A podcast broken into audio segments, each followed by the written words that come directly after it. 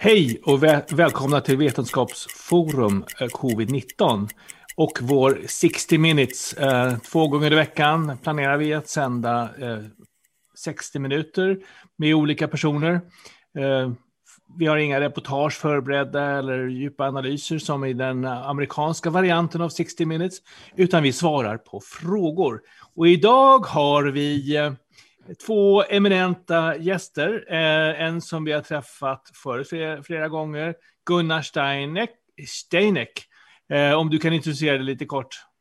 Jag är seniorprofessor i klinisk cancerepidemiologi vid Sahlgrenska akademin i Göteborgs universitet. Och Gunnar är en av de få i Vetenskapsforum Covid-19 som jag har träffat IRL, som man säger på engelska.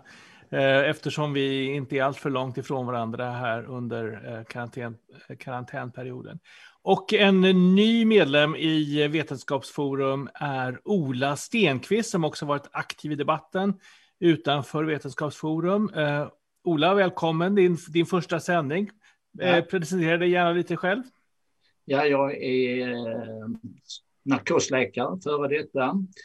Eh, och har arbetat eh, på Sahlgrenska så att i 50 år. Så att eh, som ni hör på dialekten så är jag en riktig urgöteborgare.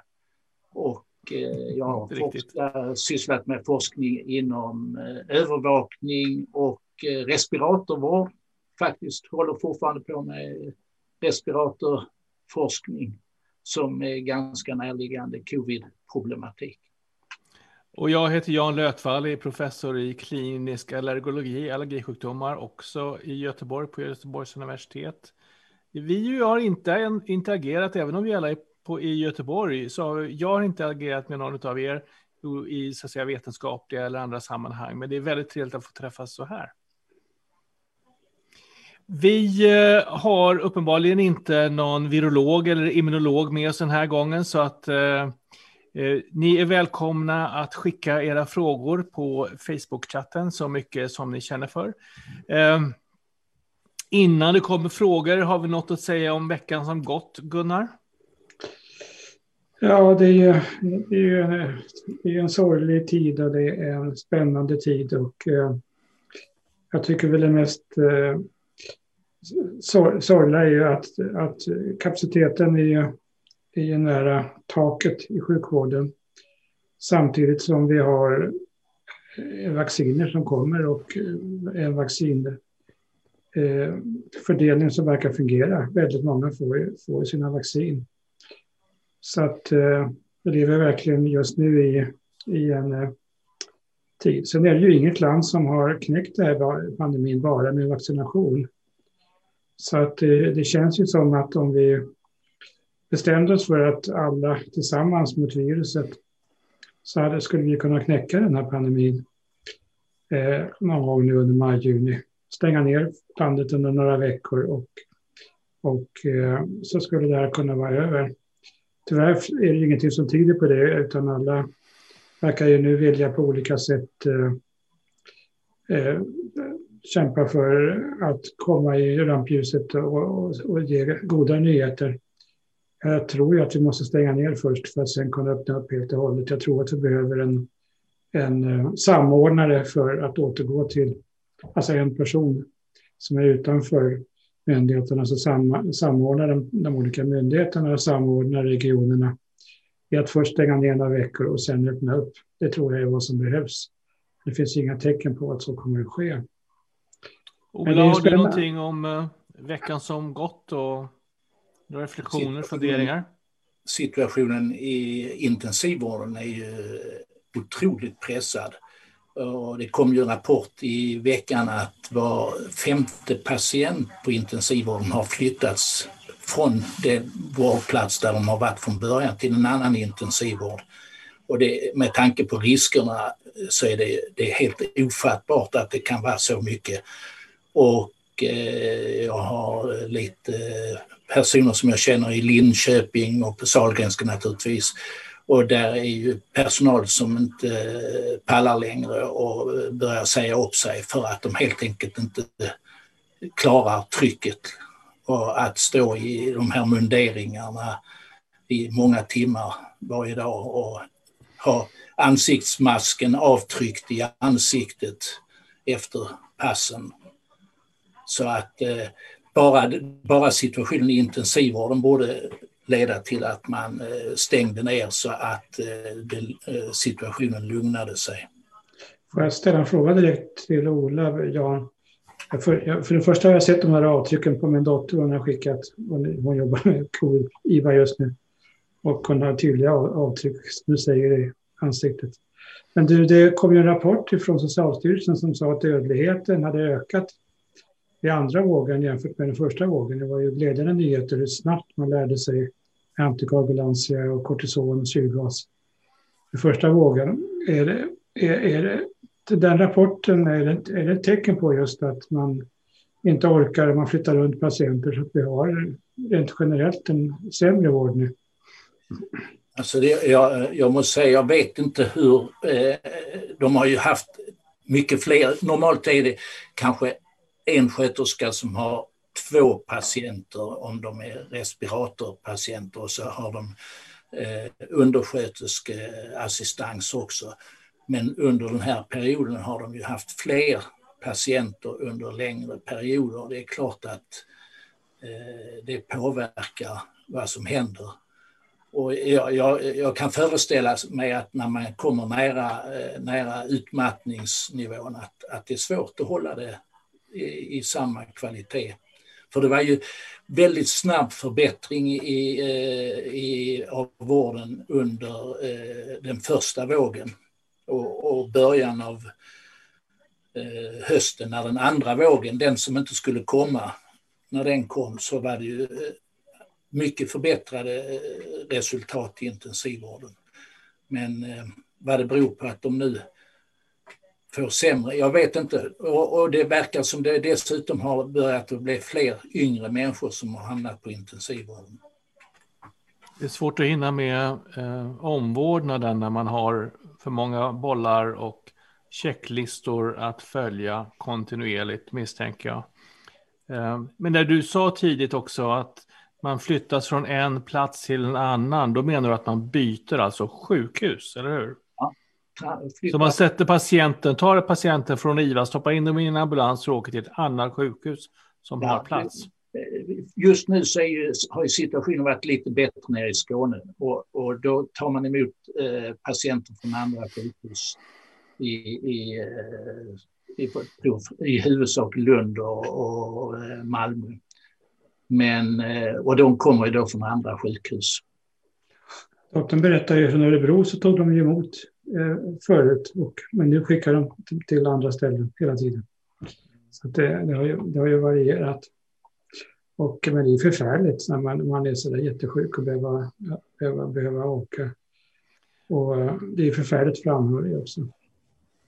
Ja, verkligen. Vi ska släppa in lite frågor här och eh, vi har en fråga från Tobias Pettersson.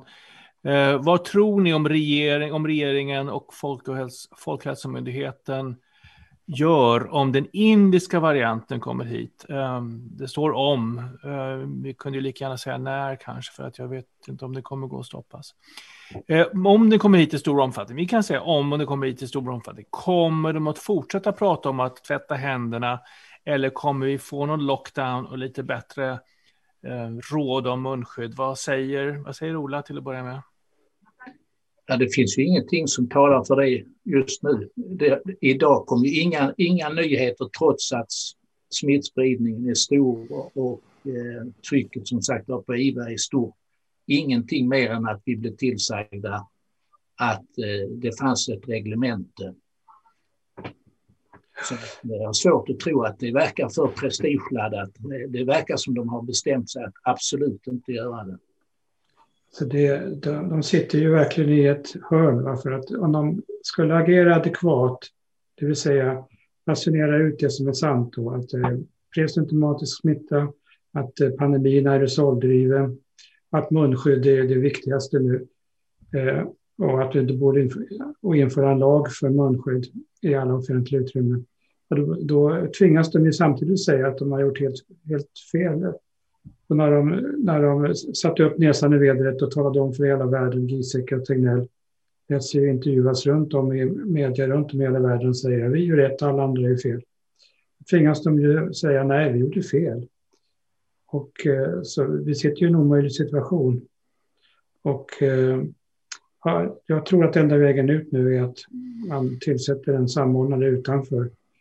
Och eh, att jag kan, jag kan inte se annat än att samtliga oppositionspartier måste, måste agera kraftfullt. Det, det kommer sluta med att det handlar om politik, det tror jag också. Och dess, folk tror att det här kommer vara borta i samband med valet nästa år. Det kommer inte vara borta i samband med valet nästa år om vi inte gör någonting mycket mer kraftfullt. Eh, vad som, ens, jag har inte lyssnat på hela presskonferensen idag, men eh, jag hörde ordet munskydd nämnas en gång. Tvätta händerna och använd munskydd när, i, när man inte kan hålla avstånd liten förbättring kanske, men det är ju inga stora förändringar precis. Det är inte så att man säger mitt åt, vi har gjort fel och vi ska göra annorlunda. Så det... Men det är ju väldigt spännande att influensan har försvunnit. Det är inte bara det här i USA, exempelvis. RS har försvunnit, mortarnsjuka har försvunnit. Så vi har, haft, vi har haft en väldigt effektiva åtgärder mot de eh, infektioner vi kände till tidigare före den här pandemin. Och eh, och det betyder i sin tur att hade vi gjort så här kraftfulla åtgärder så var det helt onödigt med de här 1, 2, 3 tusen döda influensa varje år som vi har sett som någon slags naturlag. Men, men även det visar ju att, att eh, pandemier är inte naturkatastrofer. Pandemier är skapade av människor. Det är någonting vi bestämmer oss för gemensamt. Ska vi ha det eller inte? Och, eh, en positiv sak med att ha, ha varit försiktig i över 400 dagar är att man har sluppit vara förkyld eller sluppit den där influensan som kommer nästan som ett brev på posten varje år. Så jag vet inte, mina luftvägar mår bättre än de skulle gjort annars tror jag, för att man blir ju regelmässigt förkyld någon gång per år och jag reser väldigt gärna också mycket. Så att, eh... Alltså vid en pollensäsong sätter man på sig FFP3 sju Alltså ett ordentligt eh, mm. ansiktsmask. Så det är klart att, och det är ju visat nu med data också, att, att ast astmatiska besvär har gått ner. Ja, Mats Svensson frågar, eh, var det inte just nu som Norge skulle vara ikapp Sverige? De har nu 783 döda och vi har snart 14 000. det, det, det mest tragiska med, med Anders, det är svårt för människor att förstå att Anders Tegnell bara, bara står och hittar på. Att, han, att det finns mm. ingen relation mellan vad han säger och verkligheten. Och så har han ju på till ett liv. Han ljuger och han, eh, han eh, glider och ibland är det hyfsat nära sanningen. Och när det gäller Norge så påstår han ju att eh, smittan var mer spridd i, i Sverige än i Norge från början. där. Det var precis tvärtom. Vi, man tog fram siffror från resande så visade det sig att Norge hade nästan 50 procent fler som hade rest till eh, Österrike, Italien och andra länder januari, februari, mars förra året. Så att eh, Norge är ju det bästa vi kan jämföra med. Vi har ungefär samma andel som då på äldreboende. Vi har något större andel nysvenskar än vad de har nynorskar. Men det är absolut så att den adekvata jämförelsen inom Europa är nära. Sen kan man också kan vi jämföra oss med asiatiska länderna. Och eh, det var ju många där som stoppade smittan helt och en fjärdedel av mänskligheten lever ju nu utan smitta. Men eh, det, är, det, är, det är ju det, det är tragikomiskt när man tar fram sådana här historiska mm. uttalanden från Tegnell. Så är ursäkta Ola. Ja, vi, ska, vi ska inte samla på uttalanden från uh, Tegnell, Giesecke och uh, Karlsson just nu kanske, men det finns en del att titta tillbaka på och fundera över. Ola? Ja, det är intressant att, eh, att Folkhälsomyndighetens två huvudrepresentanter är så intresserade av att göra jämförelser med Belgien. Aldrig tidigare innan denna pandemin har varit så stort myndighetsintresse i att jämföra sig med Belgien. Annars brukar vi ju jämföra oss med just våra grannländer eller försöka vara bäst. Men nu är ju tävlan om att inte vara sämst på något vis. Eller kanske i varje fall bland de sämre. Man har inte börjat jämföra sig med Brasilien här va? Ja, det... Jag har inte hört något. Nej, det, det, det hade varit bekymmersamt. Vi ska väl försöka hålla oss inte alltför deprimerade för det, i, alltså, uh, i, i, dialogen här. Men, uh, men, alltså men, men, det är klart att det är, det är så här ett år efter att det, det är tragikomiskt och sorgligt och tråkigt att vi är i den situation vi är och att vi inte har en, uh, en statsledning som verkligen tar hand om sitt folk. Det är ju ledsamt, Gunnar. Ja, vi vet ju inte nu, indiska mutationen frågades om. Vi vet ju inte vi vet ju inte riktigt nu om, om den sydafrikanska och den, den brasilianska mutationen P1 och den här andra kommer att komma som en ny pandemi eller om vi kan bli av med det nu om vi, med, den, med de eh, vacciner vi har plus en nedstängning. Det är ju mycket väl så att vi skulle kunna bli av med den här pandemin om tillräckligt många bestämmer sig för att nu, nu, nu är vi alla tillsammans mot viruset. Så att eh, det, det är ju inte så att vi vet med säkerhet att det kommer en ny pandemi som slår, som slår igenom eh, vaccinationsskyddet. Det vet vi inte. Det kan ju vara så att vi får ett skydd nu och att vi kan av med det här. Det som, det som talar för att det kanske sker, det var ju det som hände i Manaus i uh, Brasilien, där många har blivit återinfekterade efter att ha smittats i den första vågen under tidigt förra året. Då. Så det, det är väl det som är en varningsklocka i mitt tycke. Men vi vet inte som du säger. Nej, och sen, sen kan det ju vara så historiskt att Kina, de, de, när de stängde ner, då hade de det första viruset som, som ju var mindre smittsamt till och med än det som var i Italien. Mm. Så, så, att eh, det är, ju det, det, är ju det här att det kanske är nu vi har chansen. Mm. Och sen vet vi ju inte att det, om, det, om det börjar gå runt, runt bland, barn, bland barn som inte är vaccinerade eller börja gå runt, runt bland folk som inte vill vaccinera sig. Nej, som sagt, Utan, vi ska klargöra att vi inte är experter på virusmutationer och deras smittsamhet, men de rapporter som kommer är ju att de nya varianterna eh, i många fall är mer smittsamma och sprids mer in i kroppen också än, än, äh, än den originalvarianten från Kina som du nämner. Ola? Ja, jag tycker att oberoende av om man är expert på virus eller inte så är Eh, Eh, förra torsdagens eh, besked om eh, eh, barnbarnskramande ett av de mer bisarra inslagen i bekämpningen av eh, pandemin. Den började med att man talade om att man skulle skydda de äldre. Och efter 13 månaders husarrest så talar man nu om att ni behöver inte hålla ut de sista tre veckorna innan ni får den andra sprutan. Och om det, det, det, det, alltså det är ett obegripligt risktagande. Och, är det, ja, det, är, det, är, det är utsätta folk för direkt fara. Ja, det är helt onödigt. Det, det är verkligen det, är det som jag kallar eh, den Tegnellska oförsiktighetsprincipen som man har tagit i... i ja, det, är, alltså det, är ju, det, är det, är så dub, det är så dubbelkonstigt. Jag menar, jag skulle aldrig i mitt liv vill jag ha mitt liv mikroregisserat av myndigheter. Varför lägger de sig i vad jag gör med mina barnbarn? Jag förstår inte tanken. Jag, jag förstår än mindre att, att inte eh, oppositionspartier och andra går ut och säger alltså att vi, vi, vi, vi litar på folk och inte gör sina egna. Vad vi kan göra som myndigheter och regering är berätta om risker. Och det, det, de här vaccinerna är ju registrerade på två doser och inte på en dos av skäl. Att det är ett mindre skydd efter en dos.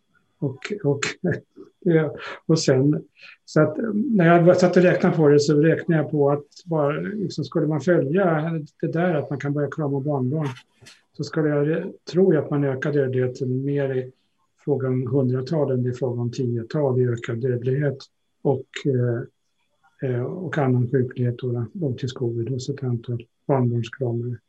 Så att eh, det, det, det är ju väldigt dystert när, när man...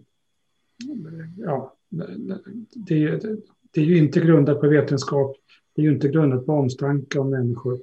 Och hela den här eh, att vi, frånvaron av munskydd är ju också att vi, vi har ett land nu som är helt utan omtanke om andra.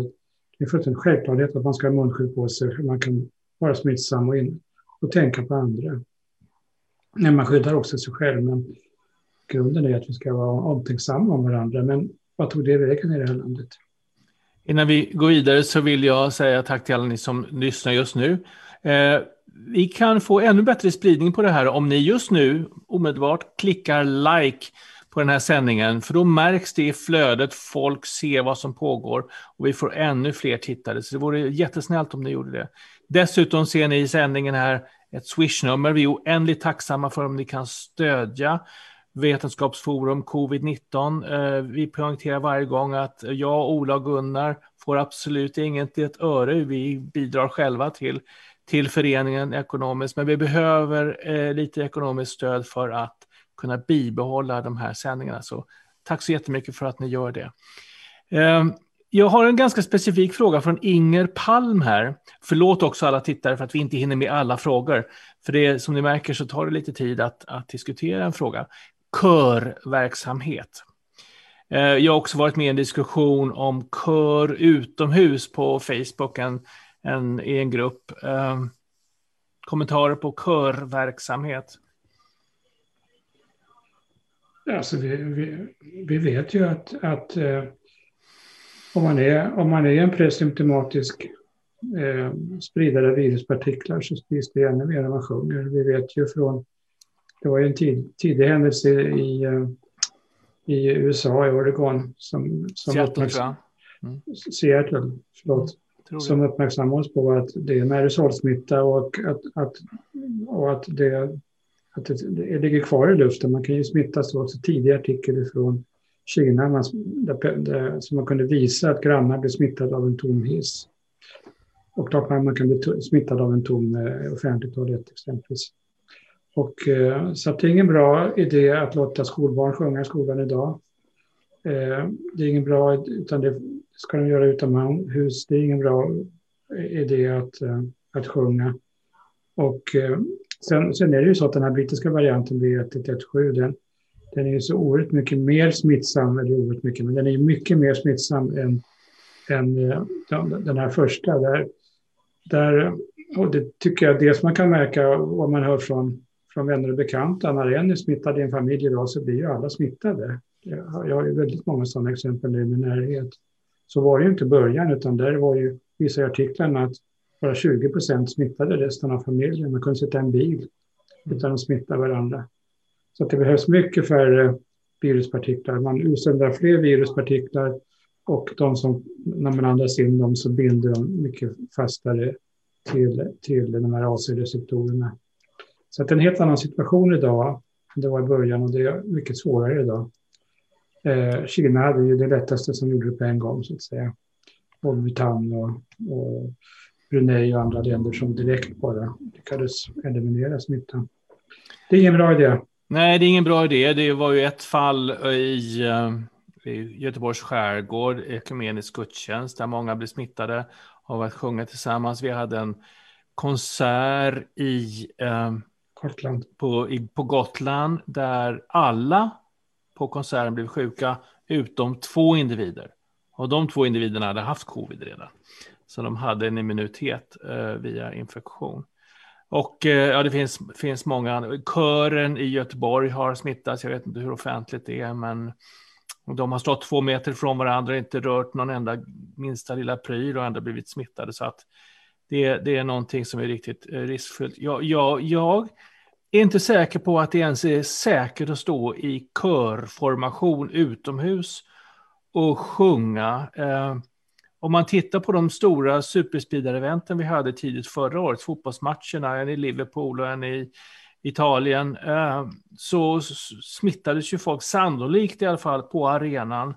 Eh, folk står där i högljudda, ropar och hejar och det är trångt och eh, även om det är utomhus så, så är det inte så mycket luft, luftbyte. Vad säger, vad säger du, Ola?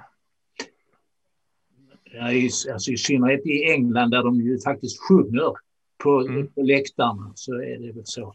Eh, men å andra sidan, eh, åtta personer på, på eh, Friends Arena, det är ju ändå ganska utspritt så att eh, de kan väl tjoa om de förstår.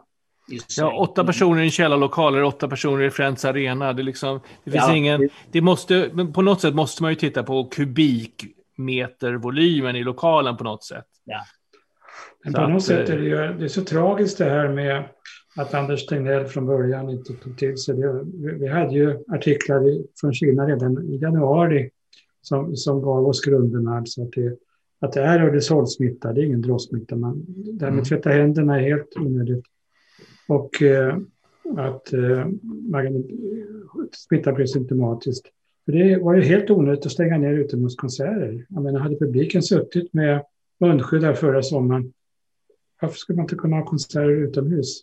Så Lite att, avstånd från de som sjunger bara. Så att för dem... Ja, så att, så att det här att det här eh, liksom det, det, det uppstår lätt någon slags tanke om att vad vi har velat i Vetenskapsforum covid-19 är liksom mer restriktioner. Det är ju inte sant, utan vad som är sant är att vi har velat få ut korrekt information så att man kan skydda sig själv och kan, och kan leva sitt liv. Också väldigt svårt att förstå, förstå att man stängde ner eh, typ Liseberg och, och, och, och eh, vad heter det, Stockholm, Gröna och, och så vidare. Så vidare. Så att, den här, att, att vi inte har fått reda på vad som är vetenskapligt korrekt om det här viruset har ju dragit ner livskvaliteten på ett fullständigt onödigt sätt också.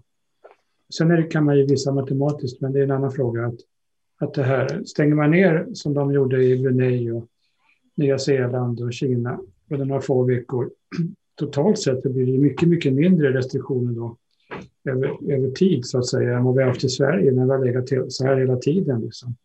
Så att, så att eh, restriktioner kan man också, för er som kan vetenskap, så kan man se restriktioner också som ett utfall, som en konsekvens av, av det här svenska förhållningssättet. Vi har inte haft någon strategi, det har Lena Hallengren till och med sagt i konstitutionsutskottet. Utan det här förhållningssättet har ju, har ju lett till att vi har levt mycket mer hämmat under lång, lång tid i Sverige. Så att det har ju dragit ner, inte bara, eh, det har dragit ner livskvaliteten och även ekonomin, att vi som inte från början stängde ner, blev av med viruset. Som, ja, i Norge, som i Norge stäng, tog man inte till allt. Man vill ju inte ha någon smittspårningsapp i Norge eh, av integritetsskäl. Man hade inte munskydd från början i Norge. Det tog några veckor innan man kom igång med det. Och, och, eh, Jag har en specifik fråga som handlar om det här från Lisa Adamsson som eh, nämner att Göteborgs stad tydligen har röstat igenom någonting under dagen att de ska stänga offentliga platser utomhus inklusive Slottsskogen tror jag. som är en stor, stor, stor park. Hur ser vi på det? Eh, Ola, har du någon snabb kommentar? Ja, men jag tror, var det inte för, um, det var inte generellt, jag uppfattar det, detta var för valborg. Ja, ja, ja. Första maj. Jag tror inte det var så. Eh, det tror jag är att överdriva. Nej, ja. jag tror att, eh, och det har diskuterats tror jag även i eh, Lund och på andra ställen att man inför valborg skulle försöka att begränsa det. Ja, men alltså ett alternativ hade ju varit återigen att man hade lagstiftat om obligatoriskt användande av munskydd, helst FFP2 och FFP3 eh, vid den här högtiden utomhus. Och, Nej, det är precis när det är trångt. Och, så så att, eh, och då hade man kunnat haft majbrasor. Man hade väl kunnat haft, liksom, jag vill inte tränga upp sig så då, men, men jag menar står alla runt en majbrasa med lite, med lite fläkt och, och ha munskydd på sig. Så, så det är ju alternativet till att stänga ner nu. Men i och med att det har blivit tabu i det här landet och i och med att det handlar bara om Tegnell fick för sig där från början och sen har folk inte mod och kraft att, att eh, liksom stå emot honom. Så, så blir det ju sådana här saker som, som egentligen är lite konstiga. Ja, jag, vill, eh, jag misstänker att vi har Christer Forsberg som lyssnare. Han brukar vara med gång på gång. Han vill inte att vi ska använda termen munskydd, utan tycker vi ska använda termen andningsskydd. Eh, så att eh, bättre skydd än vanliga kirurgskydd. Och det, om man tittar på din, din eh, arbetsmiljö, Ola, i intensivvård och, och tät sjukhusnivå, Nog använder man tajta munskydd i den miljön för att skydda sig själv. Alltså det är språkbruk. De, de använder ju riktiga masker med, med ventiler så att du har in och utandning på olika, mm. olika vägar via filter och och de har ju ja, ibland till och med över ögonen så att de ser ut som grodmän. Mm. Ett tips är ju att gå in på DN och sen söka på Christer Forsberg just som har skrivit, jag tror det är 7, 8, 9 väldigt inf informativa insändare med... Den, han har ju liksom gjort det jobbet som Folkuniversiteten borde ha gjort det. Och så mycket annat under det här året har ju civilsamhället tryckt in han har gjort ett jätteinsats. Tack för det Christer. Ja, det, det vill jag. I want to second that. Jag håller med. Om du lyssnar Christer, tack. Ja, och, eh. och, han har också, och det finns också animationer i New Times som jag tror han har citerat. För att förstå det här att, att eh, man sprider mindre aerosol om man har munskydd. Och sen eh, kan man ju diskutera det här språkbruket som Christer tar upp då. Eh, face mask är det på engelska, ansiktsmask, ansiktsskydd, munskydd. Jag använder ordet munskydd nu, Christer, därför att det är liksom det som förstås. Eh, sen är det faktiskt så att min dotter jobbade med covid-patienter i, under, jag tror, två månader i, i, i Köpenhamn med vanligt kirurgiskt munskydd och varken hon eller några av hennes kollegor blev smittade. Det var och, återigen tidigare mutanter förstås mm. av viruset. Men eh, kirurgiska munskydd, de här enkla som man själv syr, tror jag skyddar mer än, än, eh, än vad, vi, vad vi tänker. Men, men Christer har rätt i att det bästa är att köpa på sig FFP2 eller FFP3. Uh, nu ska vi se här, vem var det som ställde den här frågan? Timmy. Uh, nu ska vi se, vad nu... Uh, Timmy har frågat om boken Flocken som släpps imorgon. Är det någon som har uh, läst någonting om den boken? Som handlar, jag tror den handlar om vad... hur den här strategin kom att bli som den blev och hur det baseras på överagerande 2009 i samband med fågelinfluensan. Eh, är det någon som har läst på om den boken? Jag har läst recension eller en artikel om den i DN idag. Mm, berätta lite. Ja, det var ju eh, det som jag uppfattade som eh, mest märkligt. Det var att författaren anser att de inte hade flockimmunitet som en del av sin strategi men, men eh, det är ju eh, visat i mängder av mejl och, och, på annat sätt att eh, det är uppenbart att det var det de hade. Men de, efter den där Cambridge-artikeln så blev de tysta om just ordet flockimmunitet men det var ju ändå det de höll på med. Alltså ja, det, det finns väldigt tydliga e-mailbevis på det. Jag tror vilken eh, juridisk bedömning som helst skulle se det som bevisat utan någon tvivel. Gunnar? Ja, sen är det ju så att eh, Tegnell var ju med, det var ju du som skickade den artikeln Jan, att Tegnell var ju med på det här sammanträdet med en från de här som skrev Barrington-deklarationen, Gupta och eh, han satt ju och försökte övertyga engelsmännen om att de inte skulle stänga ner, att de skulle gå mot flockimmunitet. Så innehållet i Barrington-deklarationen som jag alltså utgår ifrån amerikanska oljeintressen. De är aktivister runt om i hela världen för klimatförnekelse och också varit eh, aktivister runt om i världen för att man inte på något sätt ska, ska skydda människor från pandemin, förutom riskgrupper, utan låta det svepa genom befolkningen.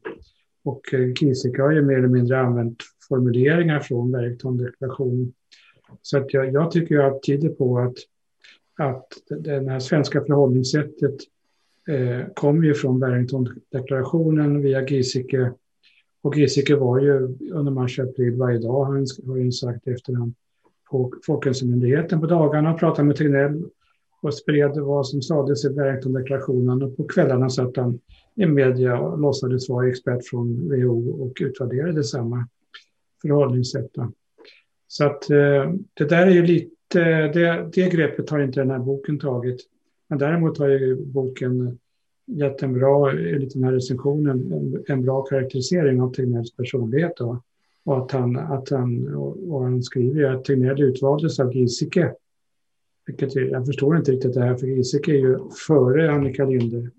Och Annika Linde var ju före Tegnell som eh, för att just att han, att han inte lyssnar på någon utan han bara kör sin grej som en bulldozer. Att det är därför man fått det där jobbet. Där. Och eh, det var ju Giesecke och Tegnell som såg till att 400 stycken fick helt i onödan eh, sömn, sömn, narkolepsi. Eh, och, eh, och sen i Sverige utkrävs ju inga ansvar, vilket är också lite märkligt. Menar, om man orsakar 400 personer helt i onödan får en livslång narkolepsi, där man hoppas på att det ska utkrävas någon typ av ansvar. Det har inte skett. Utan de får fortsätta och så får de köra Sverige i botten nästa virus kommer. Ja, ja, visst var det en skandal det här med, eh, med narkolepsin. Ingen tvekan om, men det, det som pågår just nu är en, en, större skandal i mitt, i mitt tycke. Alexandra och Nylander nämner här att uh, hon har hört att folk tvingas att ta av sig munskydden i samband med vaccinering för att de ska observeras. Jag misstänker att de ska se om det är svullna läppar eller någonting. Har du någon förklaring till ett sådant beteende, Ola? Jag menar, en anafylaxi eller någonting märker man ju om man, eh, ja, om man får, eller hur? Absolut. Anafylaxi, det vill säga allergisk chock. Vem är det som ska observera? När, när jag blev vaccinerad här för tre veckor sedan eh, så eh, fick jag gå ut från vårdcentralen och sen stod vi, skulle vi vara kvar i en kvart Eh, Eh, och jag förmodar att vi skulle titta på varandra eller vad vi skulle göra. Men det fanns ju ingen som eh, gjorde några sådana observationer. Det är väl mer om man får symptom och det. Vi gör ju ofta det i samband med allergivaccinationer och sådana saker, att, att man observerar folk och det, det kan man göra. Och det, för det finns ju de, overk, de ovanliga formerna av allergiska, kraftiga allergiska reaktioner som kan behöva adrenalinspruta eller någonting sånt. Så är, är man på plats den där kvarten så, alltså, så kan det, det vara bra. Och, ja, och, risken är väl också att, att om eh, injektionen olyckligtvis har gått in i blodkärlen så kan det finnas lite större risk. Eh, så tänker jag i alla fall. Håller du med, håller du med Ola? Ja, det, eh, det, är ju tänkbart och det har ju diskuterats om det var en av orsakerna till, till eh, de här ovanliga biverkningarna av AstraZeneca. Men men jag tänker att de har väl gjort likadant med alla vaccinen. Så det är inte riktigt sant. Men, eh, men eh, en sak som är intressant är, har ni hört någon rapport om någon som har fått en anafylaktisk chock nu när de har vaccinerat, vad det kan vara, en dryg eh, en och en halv miljon människor? Två miljoner har fått första sprutan sa de idag tror jag. Och har vi hört någon rapport om en anafylaktisk? I Sverige? Ja, jag har inte hört någon. Det borde, man ju, det borde ju rapporterats. Jag har hört om det internationellt, men inte i Sverige. Det, det, I Dingle där jag har fått min första dos eh, sköttes allt väldigt väl, skulle jag vilja säga. Mycket bra på ett tillfälligt center. Och alla hade munskydd, alla, alla eh, individer fick, fick munskydd. Stockholm har jag fått rapport från en granne till medarbetare som höll sig isolerad under ett år och eh, livrädd för det här. Och sen sköttes inte den vaccineringen och eh, hon blev smittad under vaccineringen och av, avled tragiskt. Och eh, efter ett år har hon suttit hemma i sin lägenhet. Så att det, det, vi fick ju rapporter i början om att det var många vaccinationsställen där man inte hade munskydd på sig och inte bad personerna som vaccinerar sig tar munskydd på sig. Men jag har en känsla av att det där har ändrats faktiskt. Det finns en trend till ökat eh, munskyddsanvändare, även om det är alldeles för få som gör det än så, så länge. Assad Tagizadeh eh, frågar här, hade inte munskydd varit det perfekta skyddet mot droppsmitta också, eftersom till exempel bomullsskydd eh, absorberar stora droppar. Ola, du som är intensivvårdsexpert. Ja, ja men absolut. Eh, det är klart att eh, du kan försöka spotta med munskydd på. Det blir ju inte mycket av det. Det är Nej. klart att det fångar upp, nästan oberoende av vilken klassifikation det har, så sätter det stopp för eh, droppar. Mm. Eh, problemet har ju varit att, att eh, många av dem inte har någon verkan på vad man själv andas in. Men eh, det kanske är någonting som vi skulle ha, eh, låta, eh, vad heter han, Forsberg, eh, ge oss någon lista på eh, vad man ska köpa för någonting. Han säger FFP2 och FFP3 i sina, i sina artiklar. insändare. Eh, men återigen, jag tror ju att, att, att ett enkelt munskydd, och ett kirurgiskt munskydd är bättre än ingenting. Alltså. Sen, är det, sen är det en förvirring kring det här med droppsmitta, aerosolsmitta. Det finns ju alltså, och, och amerikanska smittskyddsmyndigheten slog ju fast nu också, att det finns ju inget tecken på att någon har blivit smittad av, av någon yta man har tagit på. Så det här med att tvätta händerna, det har varit jättebra mot influensa och, och eh, mot, mot eh, RS-virus. Och, ja. och, och vinterkräksjukan. Men det har, ju, det har ju ingen som helst effekt för covid-19. Då. Och eh, det här spritandet och allt det här har, har ju ingen effekt på just den här viruset. Så att, eh, men också har det varit en väldigt, det är ju fortfarande både vetenskapligt och i debatten eh, vad, vad är aerosol, aerosoler och vad är droppsmitta? Det, det, det, det, det är ju liksom vilka storlekar och så vidare. Det, det, det är ganska otydligt. Men det är ju väldigt tydligt att det närmare, man kan ju ta det som någon skrev på, som eh, när man andas på vintern, minus 10 grader, så ser man ju utandningen. Och är det någon som står och röker så ser man utandningen. Man kan ju tänka så och, så, och förstå vad, vad, vad, det, vad, vad det handlar om. Alltså tänk cigarettröken innehåller viruspartiklar så förstår man liksom dynamiken. Alltså många stora partiklar trillar ju till marken, det är ingen tvekan om den saken. De kanske innehåller mycket virus. Men det är de små partiklarna som hänger kvar i luften, speciellt när det är torrt eh, i luften, som, som gör att det, det sprids mer. Eh, smittspårning. Eh, Lisa Meiler säger här att, och jag, jag är inte insatt i den frågan, att man är undantagen från smittspårning tre veckor efter sin första vaccindos. Eh, Oj. Någon som vet någonting om det? Ja, till att börja med kan jag ju säga att eh, lite tips också till er som vill läsa en riktigt bra insändare återigen kan ju, gå, kan ju söka på DN och Lisa Meiler och eh, fantastiskt välskriven insändare. Jag tror att det var det. Det var den om Vesas eller Mevas menar jag. Ja, alltså, och, och eh, en, en, hon skriver, presenterar sig själv som en vanlig morsa som tänker. och hon tänker bättre. Hej Lisa. Och, eh, så det, det, är en, det, är en, det är en läsvärd, mycket läsvärd insändare.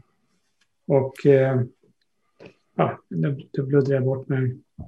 Eh, en annan sak som folk frågar här, det är om på Systembolaget ber de folk ta av sig munskyddet för att visa ansiktet i samband med legitimationstester.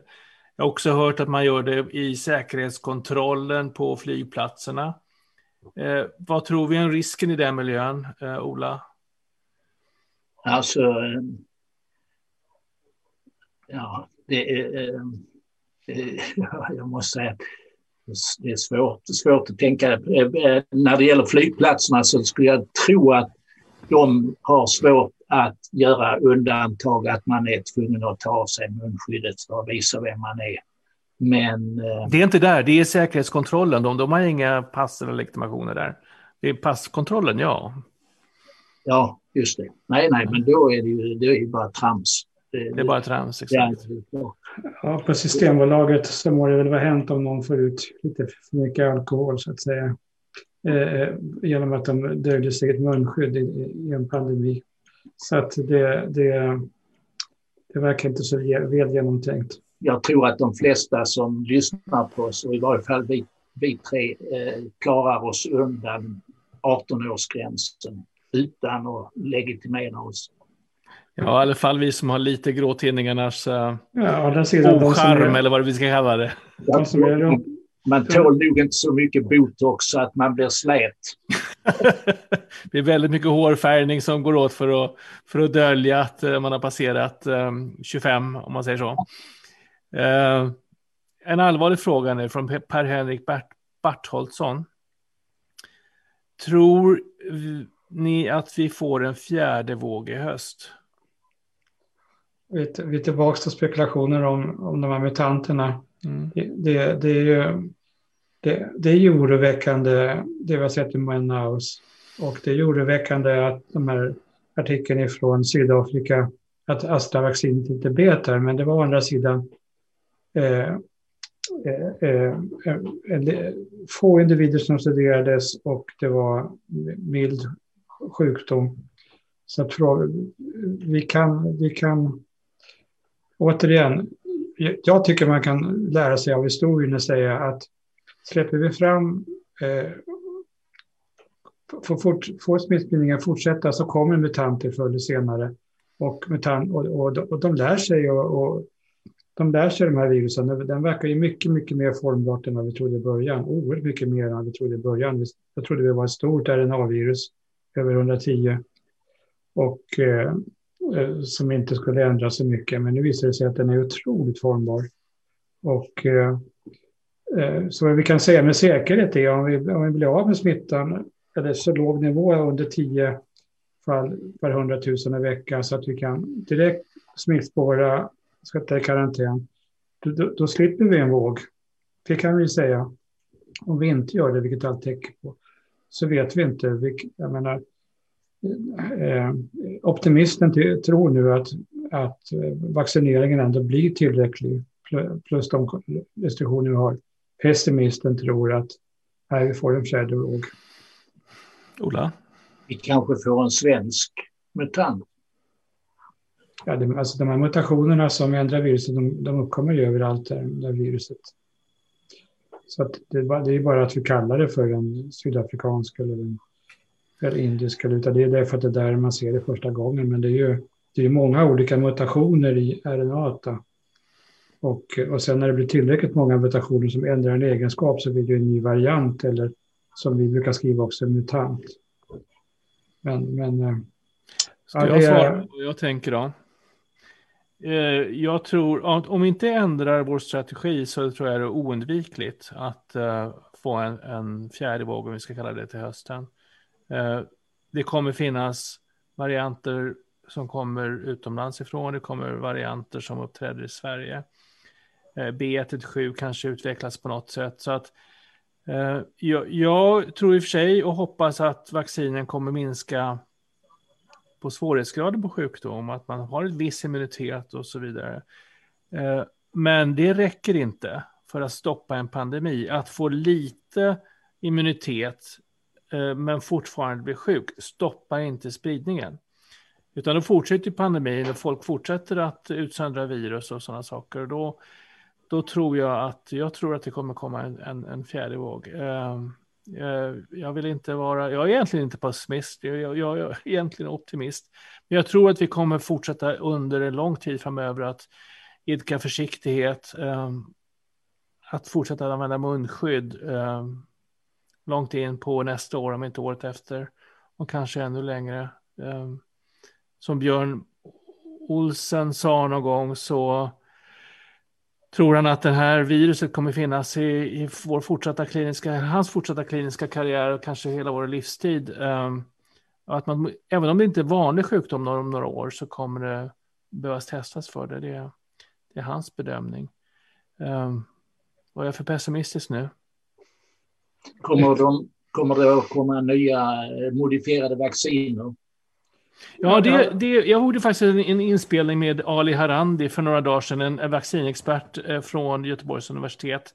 Vi satt och pratade och nördade ner oss ordentligt i det här med vaccinutveckling, hur lång tid det tar eh, för vanliga vaccin att utvecklas, decennier till exempel.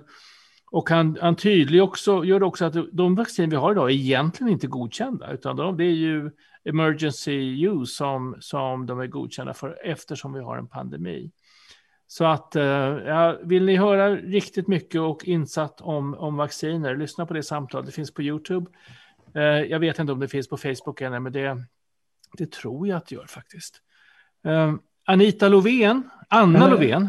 Vänta, vänta ja. Jan, du kan, ja. väl, du kan väl nämna att den här fantastiska tekniken som, som man har på med i 20 år, med ja, just det. lägga in eh, mRNA, mRNA i en liten plastpartikel, en nanopartikel som som när man sprutar in den så, så, där, så slås den ihop med cellen och så kommer mRNA in, in där i cellen och så produceras ett spikeprotein. Den tekniken kan man göra adaptera till en ny variant på bara några veckor och det har ju skett. Va?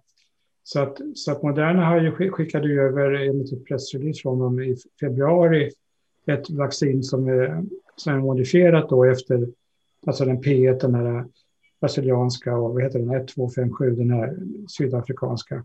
Så att eh, de vaccinerna är redan gjorda och de är igång och testas i USA.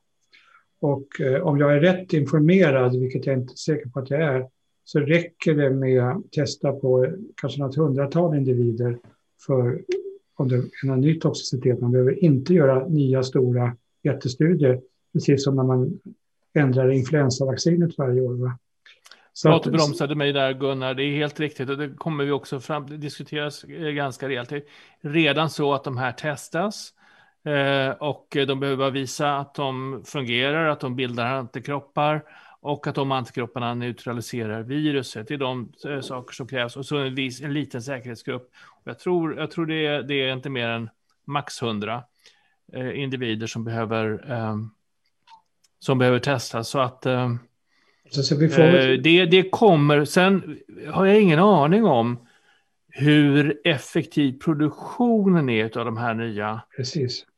och, och, och om man vill använda alla redan producerade vacciner när man släpper ut nya vacciner som kanske är mer adekvat. Och det, den politiken har jag inte riktigt kläm på. Egentligen kanske vi snart skulle börja använda variantvacciner istället för uh, vildtypvaccinet eftersom uh, variantvaccinet kanske skyddar mot den första uh, varianten men dessutom mot de nya varianterna. Så att ja, det, det, är mycket som vi inte vet ännu. Och det, eh... alltså allt, allt tyder på att variantvaccinerna skyddar mot alla tidigare. Mm. Och eh, sen är det ju för mig också obegripligt att inte eh, Eh, Europa, EU då trycker upp, eh, men det är tydligen bara att trycka på en knapp så, så poppar det upp 10 miljarder eh, euro. Va? Och, och bygger en stor fabrik eller flera stycken i Europa och producerar de här mRNA-vaccinen. Jag förstår inte varför inte det händer. Nej, eh, det, det är säkert uh, good man, manufacturing är inte en, någon enkel sak. Det är komplicerat att göra det där, men det är faktiskt en sak som vi också diskuterar i den videon. Nu ska jag gå vidare. Eh, eh, och det är Anna Lovén som har ett litet kliniskt bekymmer. Hon har fått en svullnad lymfkörtel i, på samma sida där hon fick vaccinet andra gången av Pfizer över vänster nyckelben och mot halsen. En 3 cm stor lymfkörtel eh, och haft den i tio veckor. Och nu har den krympt från 3 till 2 centimeter, vilket är bra, och bränder om det, det, det hon känner på den. Flyttbar och mjuk, säger hon också, så det är väl viktigt. Uh, uh, vad tror vi om detta? Är det en, en, en, en lymfkörtel i den regionen är ju någonting som bekymrar kliniker som man undersöker oftast. Men eh, Gunnar, har du någon kommentar? Ja, alltså, när hon säger att den är flyttbar och hon säger att den är mjuk och hon säger att den har minskat. Eh, det tänker jag inte, jag är onkolog då, cancerläkare i botten, då tänker jag inte på cancer. Utan, Nej. utan, utan eh, cancer det är ju de här hårda, hårda knogarna man känner här. Eh, det, det, det, är ju cancerknölar. Ja, precis, sånt som är stenhårt, exakt.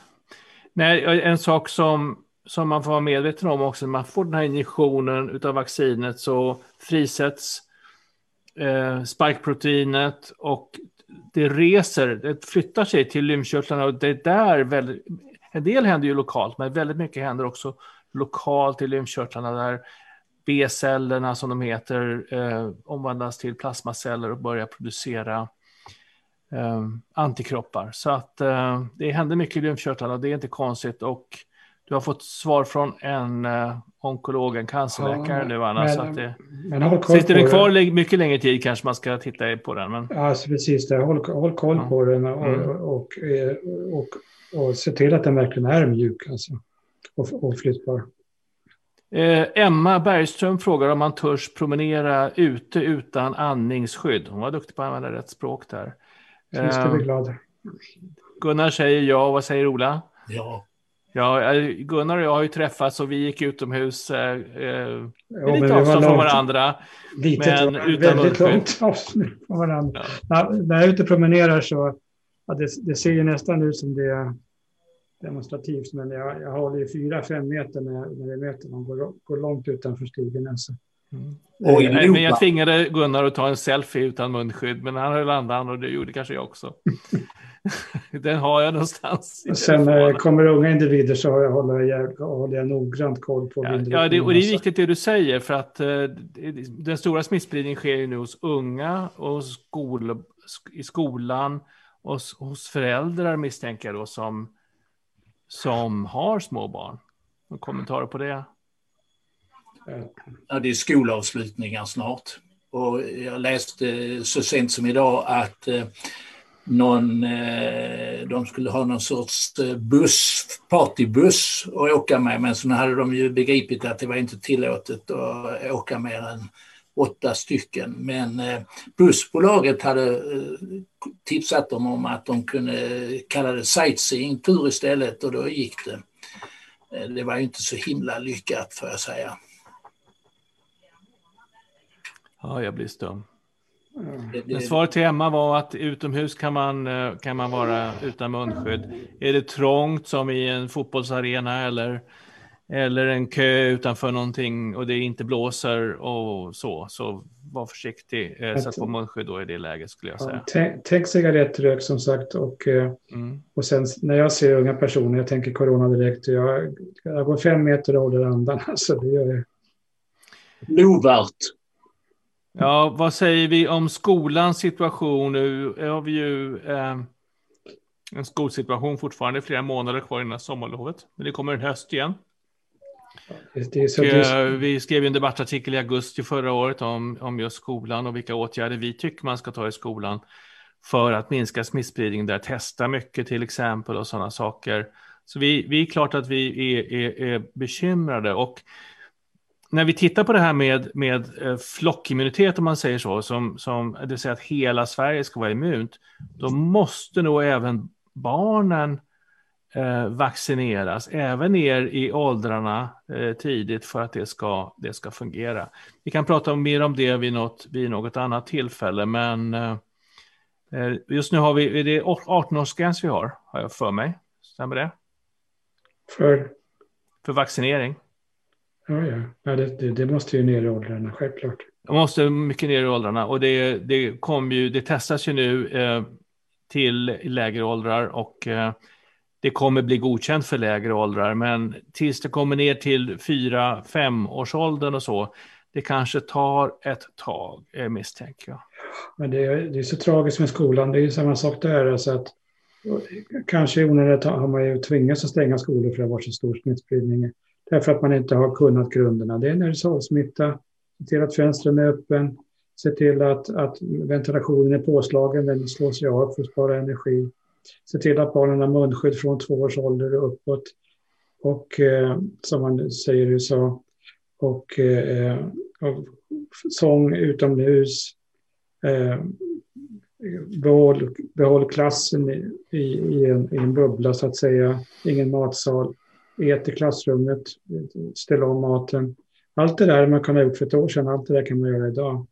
Och eh, just det där att vi inte har lärt oss grunderna med aerosolsmitta och presymptomatisk smitta och munskydd har gjort att det har blivit återigen eh, försämrad skolundervisning och sämre för barnen.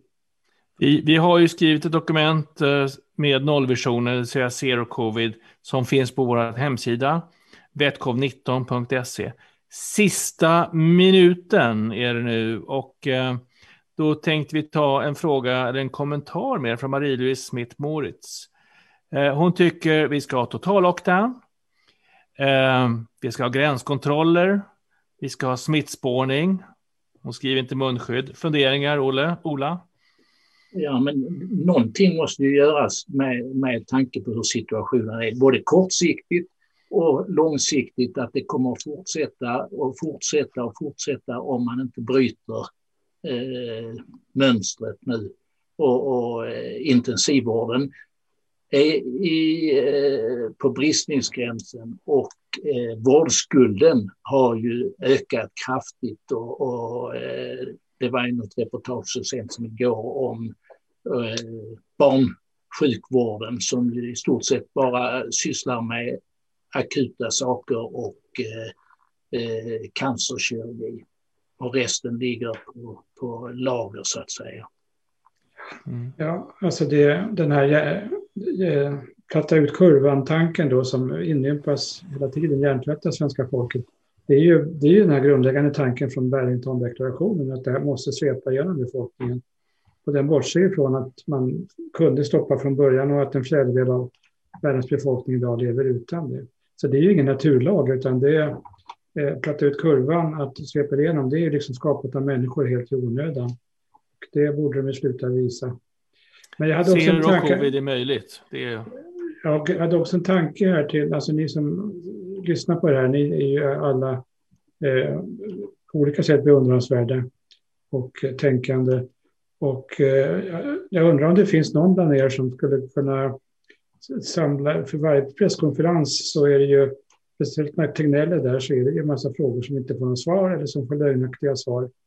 Och om man skulle kunna, alltså vi, vi är ju många som skriver snabbt och bra inom, inom Vetenskapsforum covid-19, där vi som, eh, om, om någon skulle kunna sammanställa från varje konferens, de här frågorna blev obesvarade, de här eh, blev det fel svar och så skulle ju vi kunna snabbt skriva någon typ av pressmeddelande eller annat med de korrekta svaren. Om det finns någon som vill göra grundarbetet där, bland ni som lyssnar nu, så, så skulle jag kunna tänka mig att hjälpa till då och ta, ta tag i sånt. Det, det skulle hjälpa sig, oss, utan tvekan. Ja, det, det... minutes. Vad sa du nu, Ola? 61 minutes. Yes, we are now at 61 minutes. Så den sista minuten är den viktigaste minuten. Eh, innan vi slutar vill jag säga att eh, 60 minutes kommer tillbaka igen på tisdag den 27 april, samma tid, samma plats. Eh, jag vill eh, tacka alla ni som har hängt med. Tack så jättemycket. Eh, tack för att ni stödjer oss. Ni får gärna skänka en slant till föreningen så att vi kan, så vi kan eh, fortsätta med vår verksamhet. Jag vill också tacka Ola jättemycket, Ola Stenqvist och Gunnar Steinek jättemycket för att ha varit med. Jag vill också tacka Fredrik Ydhag som sitter och producerar det här programmet i cyberspace. Tack så mycket Fredrik, utan dig hade det här inte existerat. Och tack igen allihopa. Tack för idag. Och tack Stay Jan, safe. Och, tack Jan eh, Lötvall också för den ja. utmärkta... tack. Det är lugnt. Ha det gott allihopa. Mm. Hej. Hej.